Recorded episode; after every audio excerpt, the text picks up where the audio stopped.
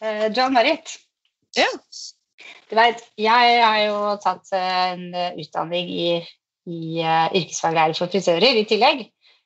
Og i en av eksamensoppgavene vi hadde, så var eh, en av oppgavene vi skrev om, det var å lage entreprenørskap for elever. Og da var vi veldig på at vi ville sy luer i et spesielt stoff for kreftsyke. For at de blir jo veldig kalde, og så skal det ikke være for varmt, og det skal ikke klø, og det skal være, liksom, ja, det skal være riktig stoff, da. Uh, og jeg har egentlig ikke tenkt så mye på det etter at jeg var ferdig på skolen, i det hele tatt, men så har jeg jo en svigermor som har kreft. Så i romjula så barberte jeg av henne alt året. Jeg måtte klippe av to omganger, for jeg syns jo det, det er jo det stikker jo helt imot uh, vår natur å fjerne et, helt, et kjempefint hår på en dame eller mann, egentlig. Det gjør jo det. I hvert fall gjør Ja. det for meg. Absolutt. Og så fikk jo hun den kalde følelsen, og da tenk, begynte jeg å tenke på disse luene, da, selvfølgelig. Så da reiste jeg ned på Jalland, på Grønland. De er jo de som har move, som vi har hatt i poden før. Og så fikk jeg tak i en sånn turbanbue i bambus, i sånn tynt. Og det er jo så fint, med en liten sånn blomst. Åh, Ja, og tenker det er jo så fint at man ikke bare har på seg sånn vanlig strikkelue som klør og er ubehagelig. At det, fakt- at det fins Det var jo så mye der. Absolutt. Ja. Så har man, trenger man en eller annen lue av en eller annen grunn, gå ned dit. Kjøp en lue. De er kjempefine. ja, og moteriktig. Ja, og moteriktig. Det er fantastisk at det finnes sånne steder. Ja, og den er, den er altså så fint, så jeg skal faktisk ned dit etterpå i dag. For min svigermor har bursdag, så jeg skal kjøpe en i en blå farge, som jeg syns var veldig fin. Ja, og du er snill, Mhm. Renate.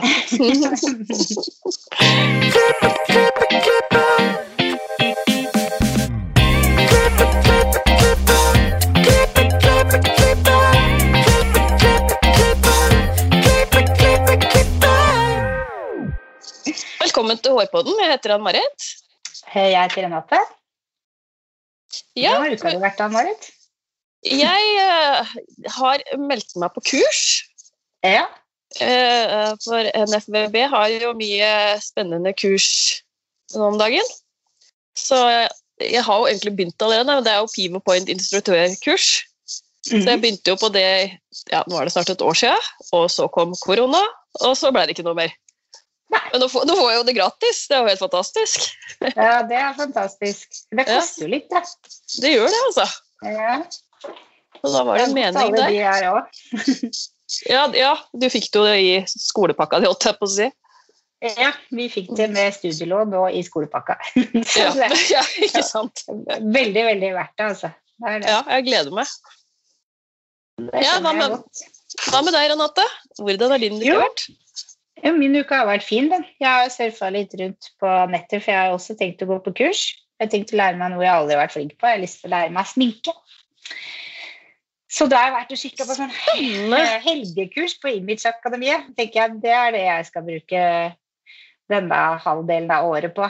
Faktisk, for å bli god på sminke.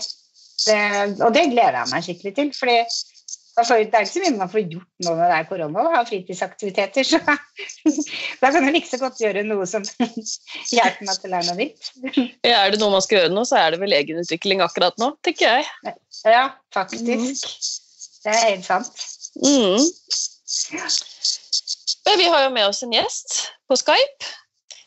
Dagens gjest er frisør og driver familiedriften Strå Frisørene.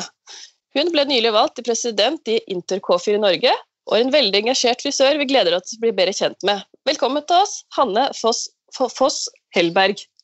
Hei. Hei! Utrolig hyggelig å ha deg med. Takk, og takk for å hyggelig å bli invitert. Kan ikke du starte med å fortelle hvordan din frisørkarriere begynte? Eh, jo, min frisørkarriere den har vel egentlig kommet inn med morsmelken.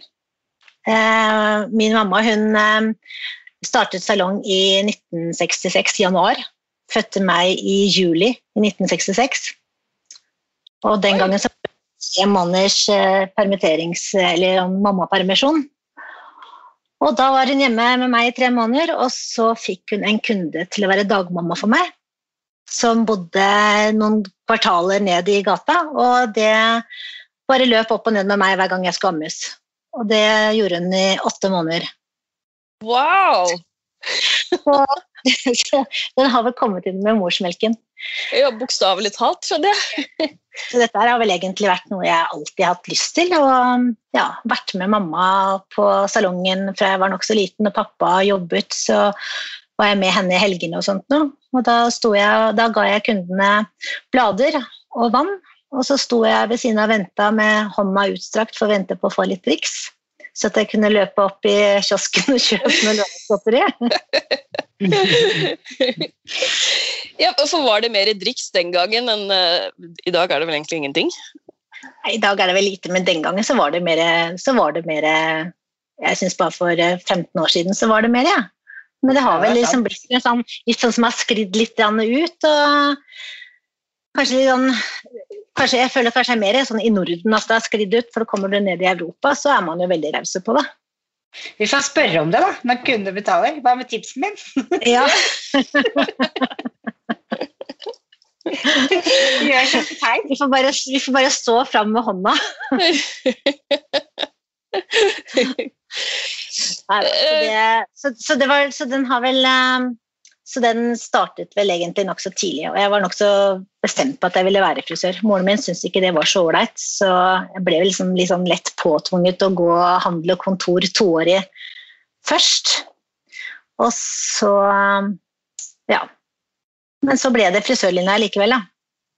Ja, ikke sant? Ja, For hun ville at du skulle gått noe helt annet, eller? Nei, hun syns det var, hun syns det var Jeg tror nok hun var litt redd for at hun skulle være sånn som påvirket meg at det ble en lett løsning for meg da, å ta noe som hun uh, gjorde. Men jeg har liksom vært rundt, i, rundt frisører, vært så mye med frisører helt siden jeg var uh, liten. Hun var også med, veldig mye med i Laug, og sånt, og da hadde vi jo store juletrefester på håndverkeren helt øverst i salen der med juletrefester med alle, og det var alle medlemmene i lauget. da, Med barn og alt som var, så det var jo superfest. og det så jeg har kjent mange i bransjen i veldig veldig mange år, eller visst hvem de var da, for jeg var liten i veldig veldig mange år. Så er det et uh, fag hvor du Jeg var ikke så veldig sånn kjempeglad i skolen, egentlig.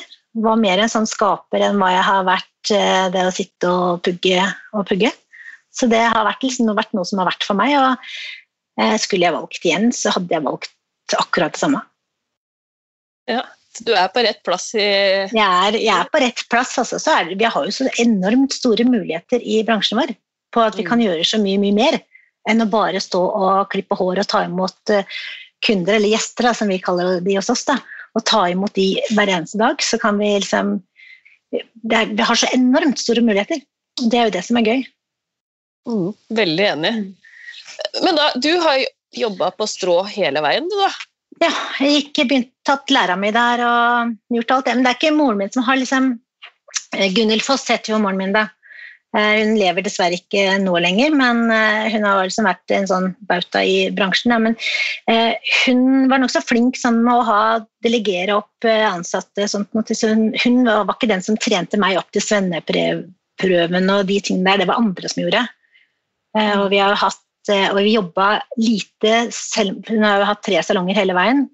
Og eh, vi jobba aldri samme dager i samme salong. Var det sånn dere avtalte på forhånd? Ja, egen, ja, egentlig så ble det veldig mye det. Altså, for jeg har alltid hatt et veldig sånt, stort behov for å være eh, Hanne og ikke være dattera til sjefen eller dattera til Gunhild. Mm. For det, tok, det har tatt noen år i bransjen å ikke bli presentert som datteren til Gunhild. ja, det kan jeg tenke meg. Det, det skjønner jeg kan være litt irriterende. Ja. Og hun var en, hun var en nokså stor hadde en nokså stor personlighet i bransjen og kunne vel kanskje ta litt plass noen ganger. Så det var ikke alltid kanskje Det er ålreit å kunne få vite, vise hvem jeg er, da, som er min personlighet. da. Mm.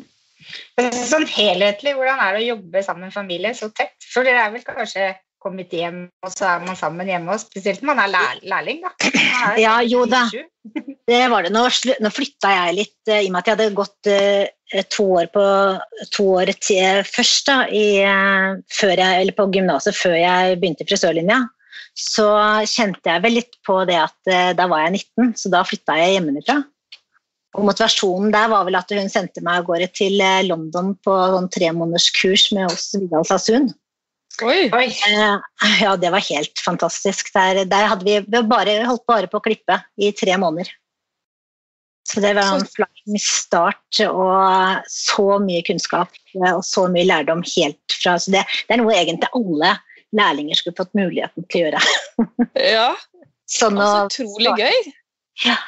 Så, så da når jeg kom derifra, så kjente jeg at da hadde jeg blitt eh, skikkelig voksen. Så da flytta jeg hjemmefra. Så, så det var kanskje også en ting som var greit, da. Men eh, vi gjorde det alltid sånn at eh, vi, det var Hanne og Gunhild på jobb, og så var det mamma og Hanne hjemme. Mm. Og hvis du ikke hørte det ulike roller. ja, det var det. Har, har litt forskjellige hatter på seg hvor man var hen. Og så ble det jo Jeg gikk jo veldig tidlig inn i den salongen ute i Asker og ble daglig leder. Egentlig sånn i slutten av læretida mi. Fordi at hun som er daglig leder der, hun, eh, hun eh, flyttet til Danmark. Så dermed så var det noen som måtte hjelpe til å ta over. Så da tok jeg litt av den daglige ansvaret da, i den butikken. Og da var, det jo, da var jeg nokså ung, eh, og jeg var yngst. Og skulle plutselig ta litt avgjørelser. Kanskje ikke var så klok, så jeg tok ikke så mye kloke avgjørelser. Sa ikke fra på så ålreit måte som man kanskje har lært seg nå etter hvert. Og da var det liksom sånn, da var det greit å kunne ha en mamma vi kunne ringe til. ikke sant? Og så måtte vi kanskje passe oss litt når vi hadde middagsselskaper. da, fordi altså jeg var jo gjerne, eller var hjemme og hos de og spiste middag, så var jeg alltid med og tok med glede oppvasken sammen med henne. For da kunne vi prate, prate hår, så ikke det ble så mye hår ellers. da. Ja, ikke sant? Hvor mange ansatte hadde du ansvar for da når du var så ung? Eh, Du, da hadde jeg, Vi var vel en eh, jeg tror vi var en åtte stykker. jeg. Oi, det er stort ansvar, da. Ja, Fy fader, altså. Så det, er- jeg er kanskje litt sånn i dag jeg Det jeg har lært av det, er jo at eh, jeg har hatt eh, jenter hos meg som gjerne har hatt lyst til å ta lederskap og gjøre det, og da har jeg gjerne sagt at du må vente litt til til at du man, man må få litt mer hud på nesa. Mm. Mm. Det er, det er forskjell på å, å ville gjøre det og å virkelig gjøre det en god jobb, for det med lederskap er ekstremt viktig. altså. Mm. Mm. Hva, hva, hva er lederne deres? på er jeg bare nysgjerrig. Hva er det dere liksom skal til for å bli leder hos dere, da, bortsett fra alder? Nei, du bør, ikke, du bør ikke være så gammel, det er jo ikke det, men du må vel eh, Jeg føler vel i hvert fall det at eh, eh, det å gå lederskurs og lederskoler, det syns jeg er veldig viktig. Så alle mine ledere har gjort det, og jeg har gått veldig mye av de kursene sammen med de også, så vi har, vi har gått på mer enn ett kurs. Fordi at man trenger litt input eh, hele veien.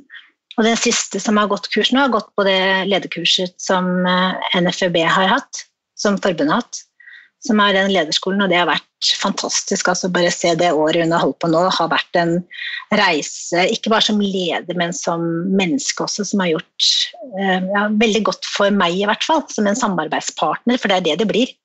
Mm. Ja. Mm. ja, det er jeg så enig i. For at det er jo Ja, det det, det det er vel kanskje Uten å liksom si for mye, så er det vel ikke mange som blir liksom kanskje litt kasta ut i den rollen uten å egentlig vite hva de Ja. faktisk går til. Ja.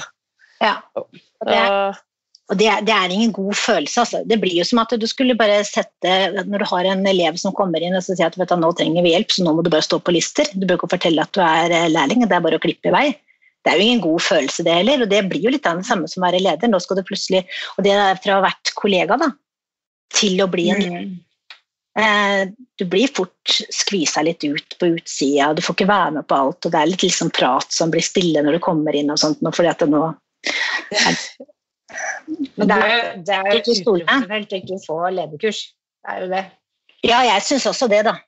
Men Mm. eh, den gangen når jeg starta for 35 år siden, så var det ikke så mye sånt. Og da skulle man jo lære seg sjøl, ikke sant. Mm.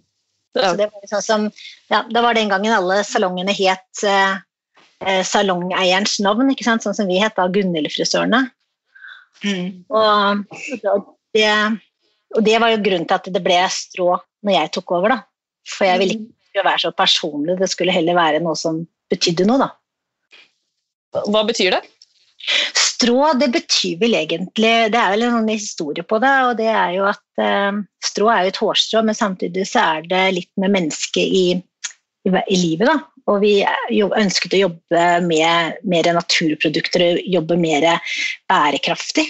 Og prøve å hjelpe ja, Det er litt av det som er i nå, da, litt av det grønne fora. Så da Et strå er jo eh, et strå ute i naturen. Der er det, det er jo forskjellige størrelser på. Tykke og tynne og høye og lange og svake og sterke. Eh, og, alle, og sånn er vi mennesker òg. Og hos oss skal det være rom for alle. Eh, og vi får eh, ved å se de ansatte og ta vare på dem og, og gi dem det de trenger eh, hver dag. Det gjør at det gror, og det er det samme som det gjør i naturen. At med sol og regn og varme og næring, så vokser strået også. Og tramper du ned på et strå, så gjennom næring og bli sett, så reiser det seg opp igjen. Og det er sånn som vi skal gjøre for, som ledere også. Det er sånn som vi vil at det skal være å jobbe i strå. Og så og jobber man som et team. og det er samme som Tar du, et, tar du mange strå sammen og skal du prøve å rive det, rive det, fra hverandre, så er det veldig vanskelig å rive stykker. Og sånn er det skal være på oss også, at vi jobber sammen for å nå de målene vi skal og komme dit vi er. Da. Så, så myndigheten skal du jobbe hos oss, så er det ikke det faglige, det kan vi lære opp.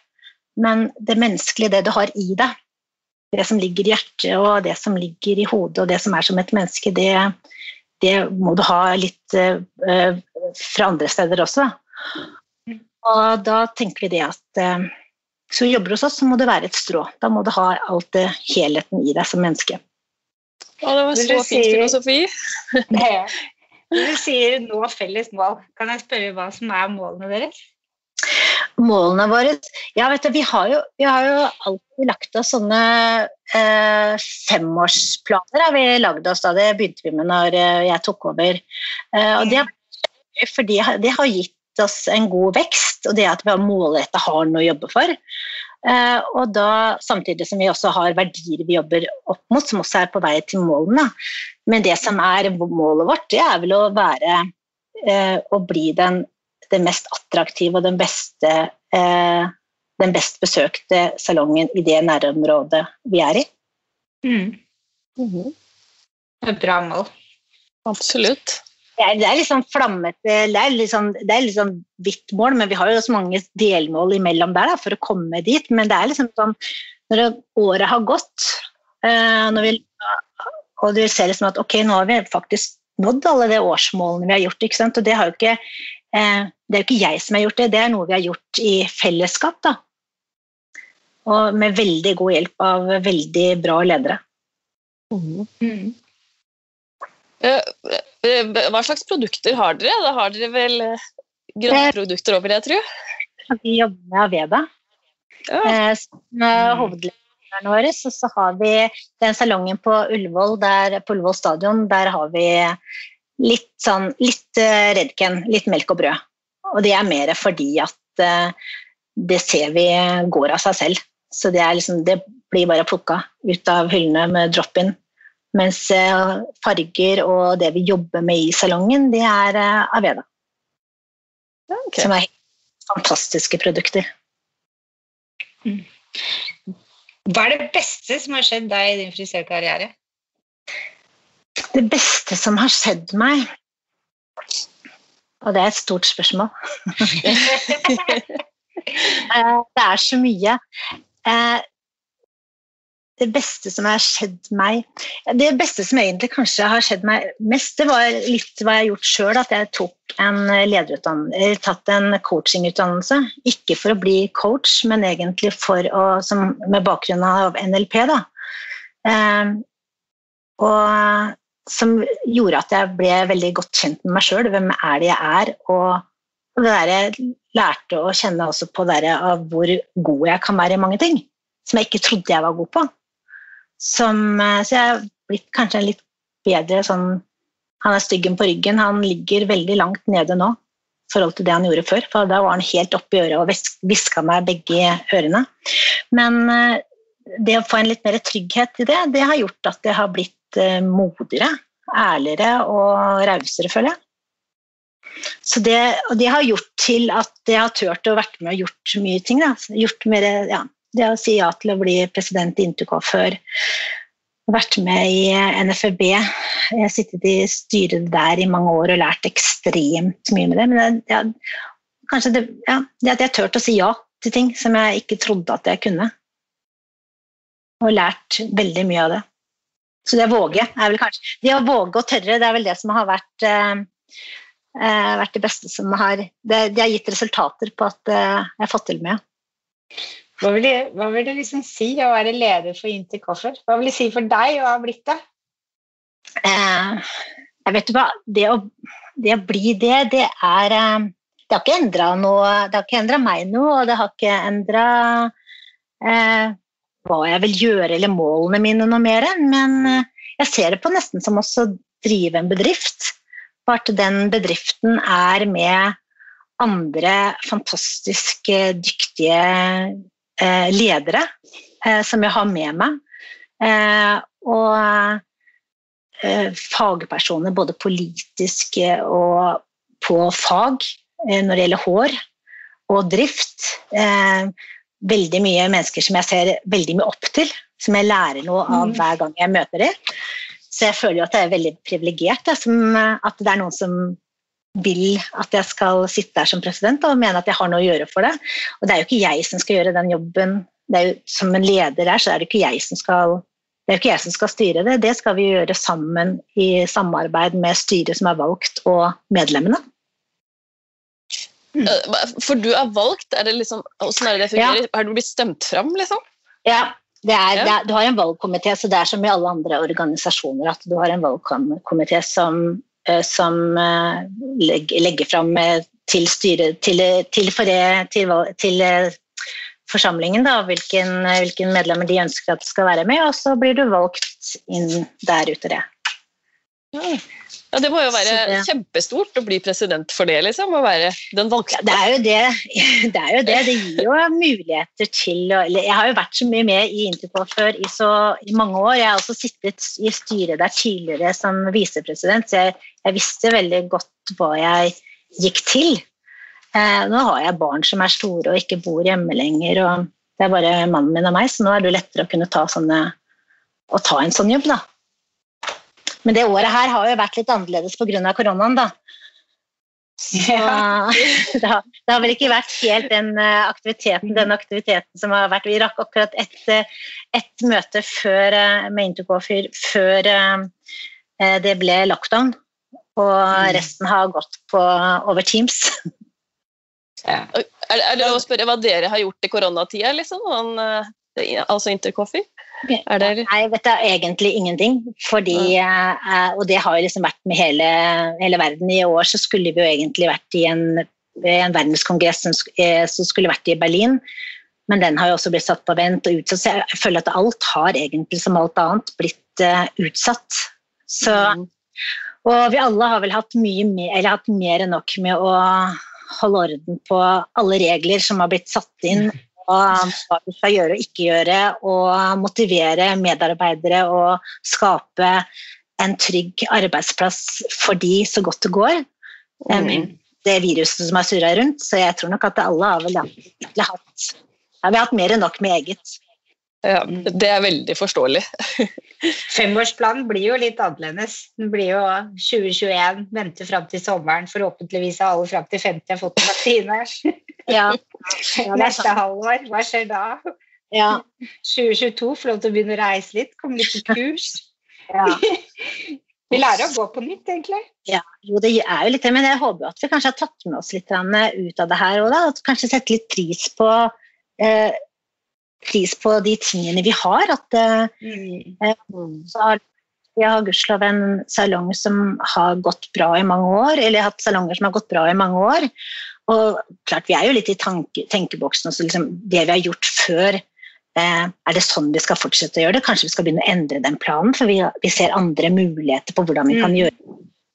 Så, det, sånn, så når ting er, er, helt håpløst, så jeg tenker jeg at da må man prøve å finne det liksom sånn Ok, det her er det. Vi, jeg hater det, men man må respektere det. Og hva kan jeg, hva kan jeg eh, bringe uh, i den situasjonen hva kan jeg bringe videre for å kunne bli enda bedre, som kanskje ok, målet vårt har vi ikke nådd fordi at det har stått litt på vent, men kanskje jeg kan nå det raskere til neste år. Så at når det kommer mm. til planen, så kommer vi dit vi skal allikevel.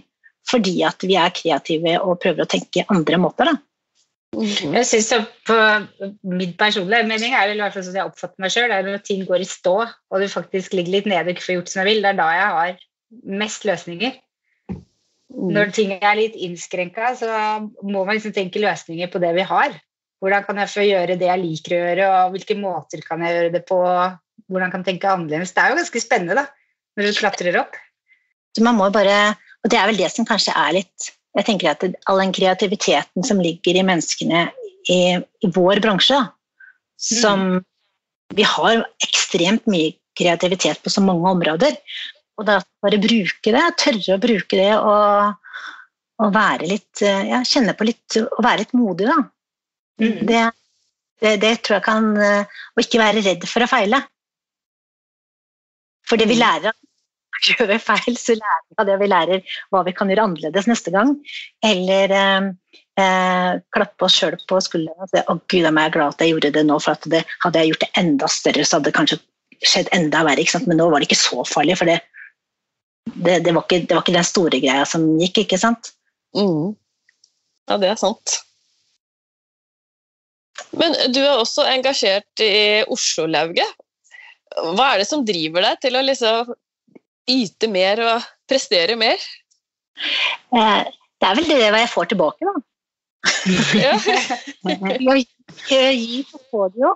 Så, så nei, litt er det vel kanskje jeg må si hadde jo, Sånn som med mamma, da, hun var jo også eh, det er litt hva du har vokst opp i og hva du har i oppdragelse hjemmefra. Jeg hadde mamma og også pappa som var veldig engasjert i Pappa var jo trykker eh, og, og, var leder for Rikard Andord med mange driftsledere der. Så det, det, har vært liksom veldig mye fag hjemme hos oss prat om det. Og det der å stå fram og vil du ha endringer, så er du nødt til å si ifra sjøl også.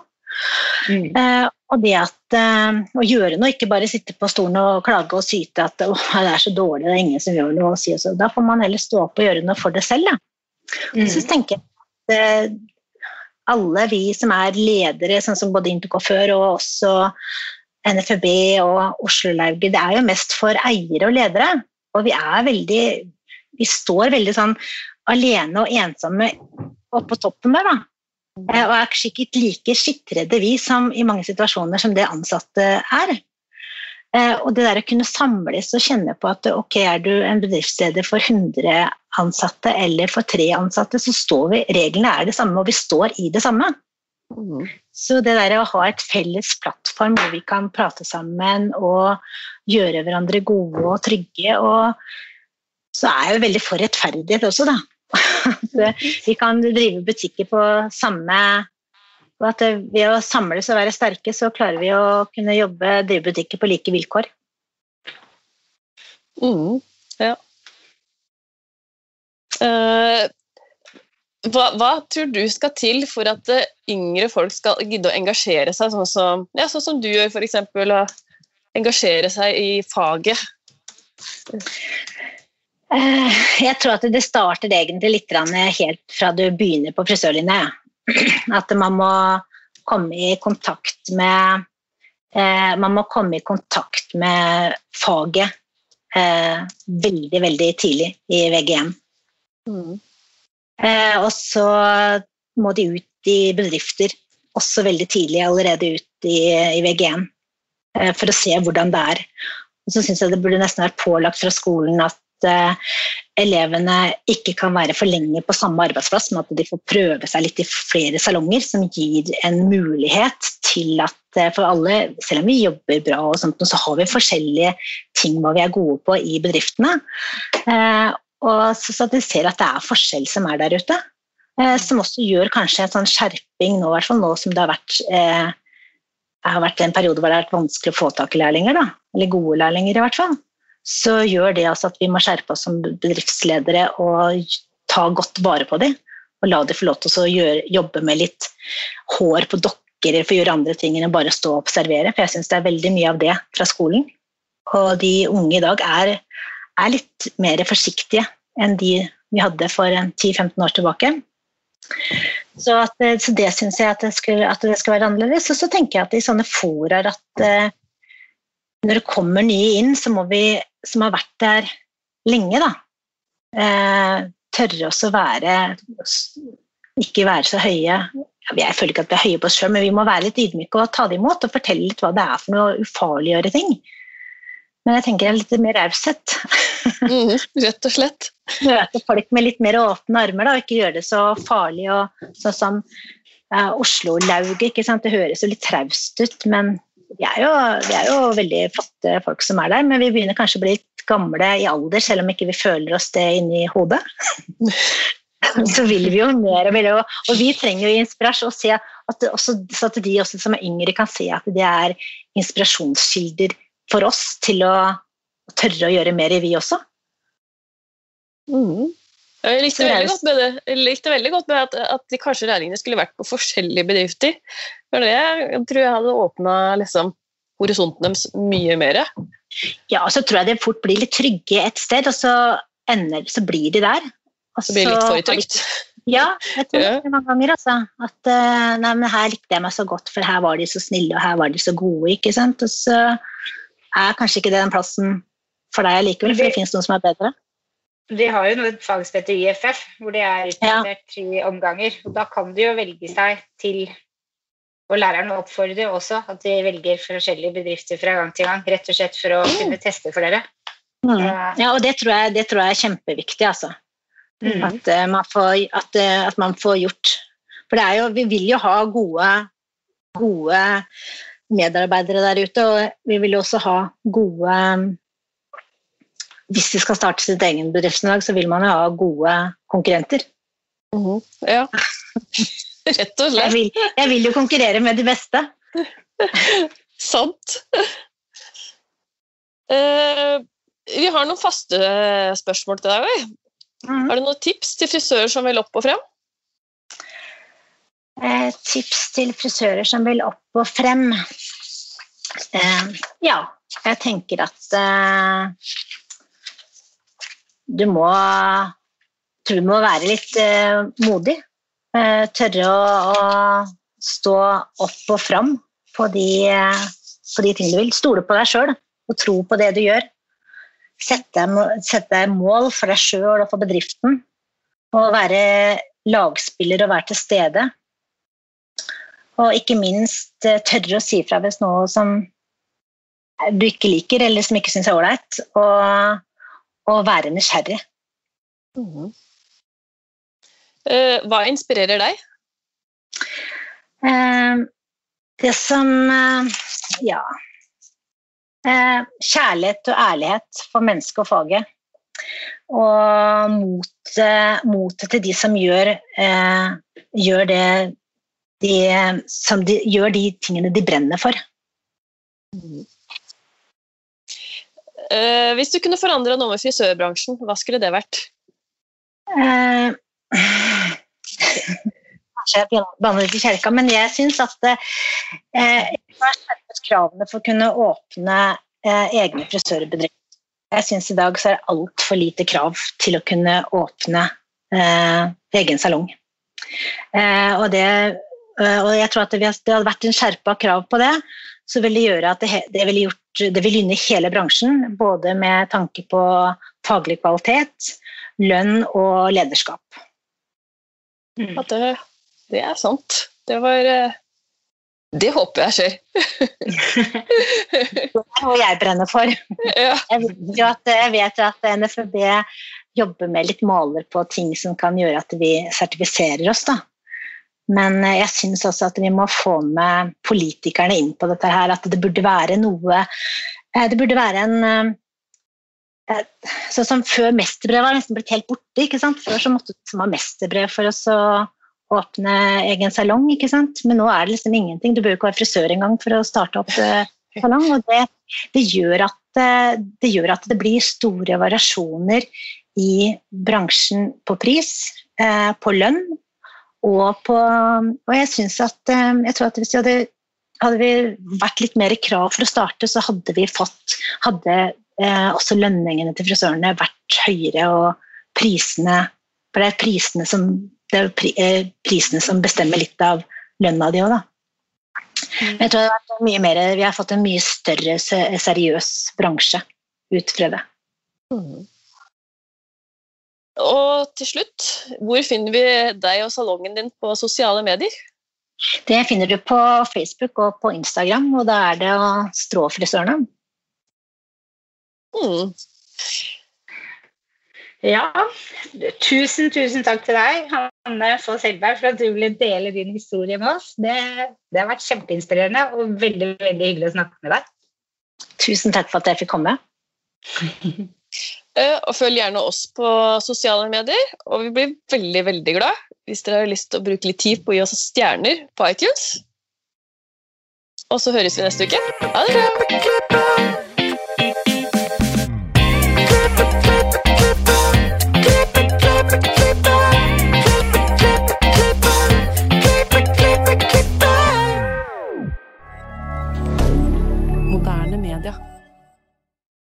Har du et enkeltpersonforetak eller en liten bedrift? Da er du sikkert lei av å høre meg snakke om hvor enkelt det er med kvitteringer og bilag i fiken, så vi eh, gir oss her, vi. Fordi vi liker enkelt. Fiken superenkelt regnskap.